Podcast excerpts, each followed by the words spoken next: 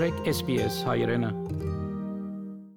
Ողջույն հարգելի ունկնդիրներ, անցած շաբաթը Հայաստանում, Արցախում եւ Սփյուռքում։ Երեք ամսից Հայաստանում կանցկացվեն արտահերթ խորհրդանական ընտրություններ։ Կապիտուլյանտները պետք է հեռանան։ Սերժ Սարգսյանն է հայտարարել չի լքելու քաղաքական խրամատը։ Արցախը ունեցել է կա ու կունենա զինված ուժեր։ Ավելի մոբիլ, ավելի մարտունակ Այժմ այս եւ այլ նորությունների մասին առավել մանրամասն առաջիկա 10 րոպեներին։ Երեք ամսից հունիսի 20-ին Հայաստանում կանցկացվեն արտահերթ խորհրդարանական ընտրություններ։ Այս մասին հայտարարել է վարչապետ Նիկոլ Փաշինյանը խորհրդարանական ընդդիմադիր Բարգավաճ Հայաստան կուսակցության ղեկավար Գագիկ Ծառուկյանի հետ հանդիպումից հետո։ Ծառուկյանն ու Փաշինյանն արձանագրել են, որ ստեղծված ներքաղաքական իրադրությունից լավագույն ելքը արտահերթ խորհրդարանական ընտրություններն են։ Հիշեցնեմ իշխանությունները Փաշինյանի գլխավորությամբ դեռ 1 ամիս առաջ հայտարարում էին, թե հասարակության շրջանում չկա արտահերտ ընտրությունների պահանջ։ Ընտրություններին մասնակցության մասին մի շարք ուժեր արդեն հայտարարել են։ Երկրորդ նախագահ Ռոբերտ Քոչարյանն ավելի վաղ էր ընդգծել, որ արտահերտ ընտրությունների դեպքում մասնակցելու է, ավելի նա հավաստիացրել էր, հաղթելու է։ Արտախորհրդանական ընդդիմությունը, որ շարունակում է փողոցային պայքարը հայրենիքի փրկության շարժման շրջանակներում Նիկոլ Փաշինյանի հրաժարականի պահանջով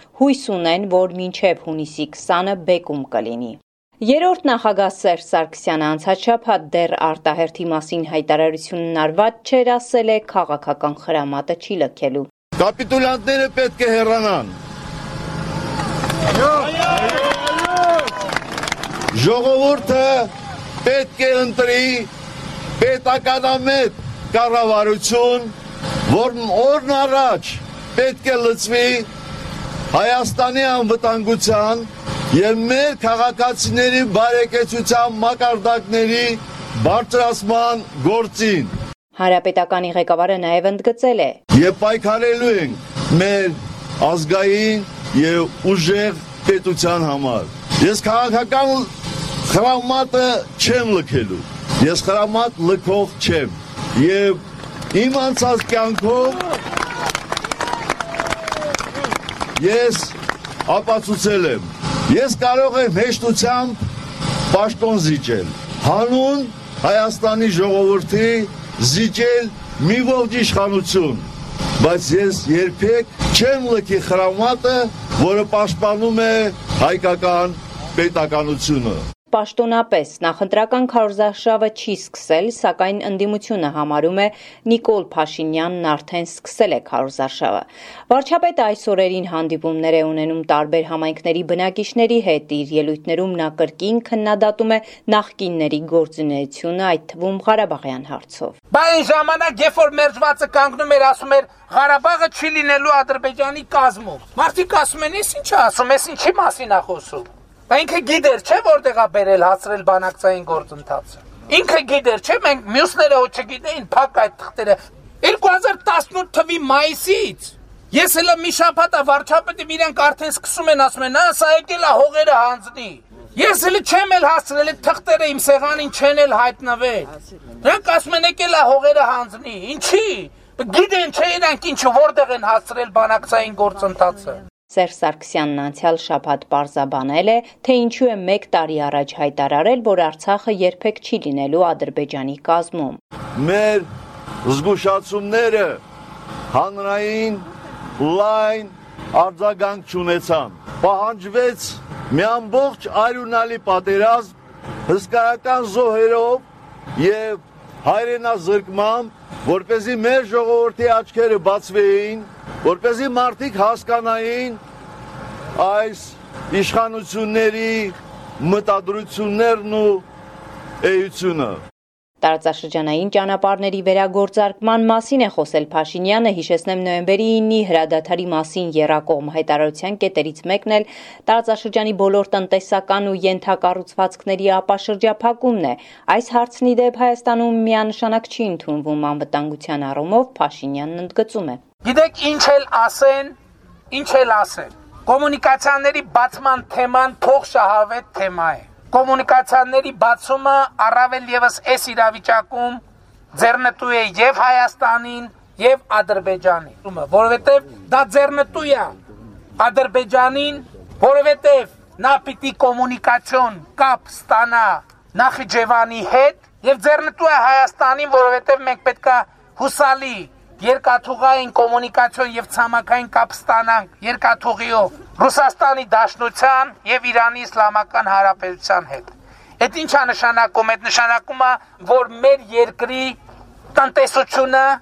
էականորեն կարող է փոխվել։ Վարչապետ Նիկոլ Փաշինյանը զինված ուժերի գլխավոր շտաբի նոր պետի պաշտոնում ներկայացրել է Արտակ Դավթյանին, վերջինս նույն պաշտոնը զբաղեցրել էր հեղափոխությունից հետո 2018-ից։ Փաշինյանն ասել է, որ Արտակ Դավթյանն իրավունքի ուժով համարվում է նշանակված Հայաստանի զինված ուժերի գլխավոր շտաբի պետի պաշտոնին, նշելով, որ Օնիկ Գասպարյանն էլ ազատված է պաշտոնից իրավունքի ուժով։ Զինված ուժերը դեպի թիկունք հայացք չպետք է ունենան ընդհանրապես։ Զինված ուժերի գլխավոր շտաբի նորանշանակ պետ Արտակ Դավթյանը վստահեցրել է, զինված ուժերը քաղաքական հարցերում պահպանելու է չեզոքություն։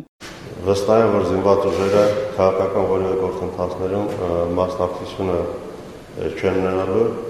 Արցախ Արցախի անվտանգության խորհրդի քարտուղար Վիտալի Բալասանյանը Արցախի հանրային հերոստանգերությանը տված հարցազրույցում ասել է. «Երբևիցե որևէ մեկի մտքով չանցնի, որ Արցախը չի ունենալու զինված ուժեր»։ Երբևիցե որևէ մեկի մտքով թող չանցնի, որ Արցախը չի ունենալու զինված ուժեր, Արցախը ունեցել է կա եւ ունենալու է զինված ուժեր, ավելի մոբիլ, ավելի մարտունակ Արցախը երբևիցե չենք թողնելու որևիցե մեկի գրկում լինի, Արցախը լինելու է որպես սուբյեկտ, որպես հայկական, ավելի քան վստահ եմ Հայաստանի Հանրապետության հետ մենք ունենալու մեկ միասնական մեծ Արմենիա Թե ինչպիսի զինված ուժերի մասին է խոսքը այս հարցին էլ ազատության հետ զրույցում անդրադարձել է Արցախի արտաքին գործերի նախարար Դավիթ Բաբայանը։ Նա նշել է այն, որ Արցախը պետք է ունենա զինված ուժեր եւ բանակ, այլ ընտրանք չունի։ Իմ պատկերացմամբ միգուցե եթե մենք ունենայինք եգերական,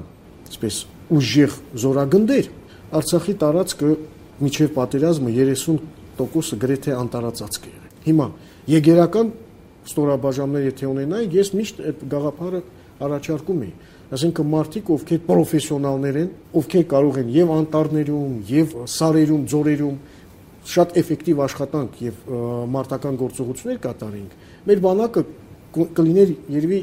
այս բաղադրամասը շատ նոր որակ կհաղորդեր։ Հիմա ես մնում եմ այդ այսպես գաղափարի կրողը, որ պետք է մասնագիտացած զինվորական ստորաբաժանումներ Սփյուռք Հայաստանի Սփյուռքի գործերի գլխավոր հանձնակատարի գրասենյակը մեկնարկել է Քայլ դեպի տուն 2021 երկշաբաթյա ծրագիրը, որը հնարավորություն է տալիս Սփյուռքի 13-ից 18 տարեկան պատանիներին զարգացնել եւ ամրապնդել իրենց ազգային ինքնությունն ու ավելի լավ ճանաչել հայրենիքը։ Ճամբարային ծրագիրը կմեկնարկի հունիսի 21-ին եւ 4 փուլով կընթանա մինչեւ օգոստոսի 14-ը աշխարհի տարբեր ծայրերից եկած Սփյուռքահայ 200 պատանիների համար։ Վրաստանի խորհրդարանի Սփյուռքի հանձնաժողովին կից բացվել է ազգային փոքրամասնությունների հարցերով խորհուրդ։ Երկրի 16 համայնքների ներկայացուցիչներն այս հարթակի միջոցով հնարավորություն են ստանում խորհրդարան բերել փոքրամասնություններին վերաբերող խնդիրները, փորձելով դրանց լուծում տալ։ Օրակարգային հարցերից են ազգային փոքրամասնություններով բնակեցված շրջաններում պետական լեզվի իմացության նոր մեթոդների գործարկումը, էթնիկ խմբերի քաղաքական մասնակցության խթանումը եւ այլն խորհրդում հայ համայնքի ներկայացուցիչ Մարիա Արաքելովան մեծ հետ զրույցում ասաց, որ սկզբում հետամուտ է լինելու առաջ քաշած երկու հարցերի լուծմանը, մեկը վերաբերում է վիրահայ սփյուռքի խնդիրներին, այսինքն այն վիրահայերին, ովքեր Վրաստանը լքել են տարբեր տարիներին, մյուսը ջավախքում էթնոտուրիզմի զարգացմանը։ Վերջինս ըստ նրա կկանգնեցնի վիրահայերի արտագաղթը հատուկ տուրիստական մարշրուտներ գոյություն ունեն բոլոր շրջանների համար, ասենք մշակվում են եւ ես կուզենայի անպայման որ այդ էթնոտուրիզմի շրջանակներում անպայման այդ բազմ երանգությունը երևար, այսինքն ինչու՞ չէ, օրինակ եթե Կախետիում գնում են մարդիկ եւ գինի են համտեսում, օրինակ ահալ քաղաքում կամ Մինոցպիտայում տեսնեն թե ինչպես է տեղական, ասենք, պանիրը պատրաստվում կամ տեղական հացը ինչպես է պատրաստվում։ Կստացվի, որ իրենք մի այցով, ասենք, կտանոթանան մի քանի մշակույթների։ Նա վստահ է, հայաշատ շրջանը զբոսաշրջիկներին կարող է գravel ոչ միայն հարուստ պատմամշակութային հուշարձաններով, այլև յուրահատուկ Վրաստանի մյուս վայրերին անծանոթ ավանդույթներով։ Այսքանը անցնող շաբաթը Հայաստանում, Արցախում եւ Սփյուռքում SBS-ի համար ամփոփեց Գիտա Իլիբեկյանը։ Հավնե, լայք, բաժնեկցե, դարձիկը թայտնե, հետեւե SBS հայրենին թիմադեդի վրա։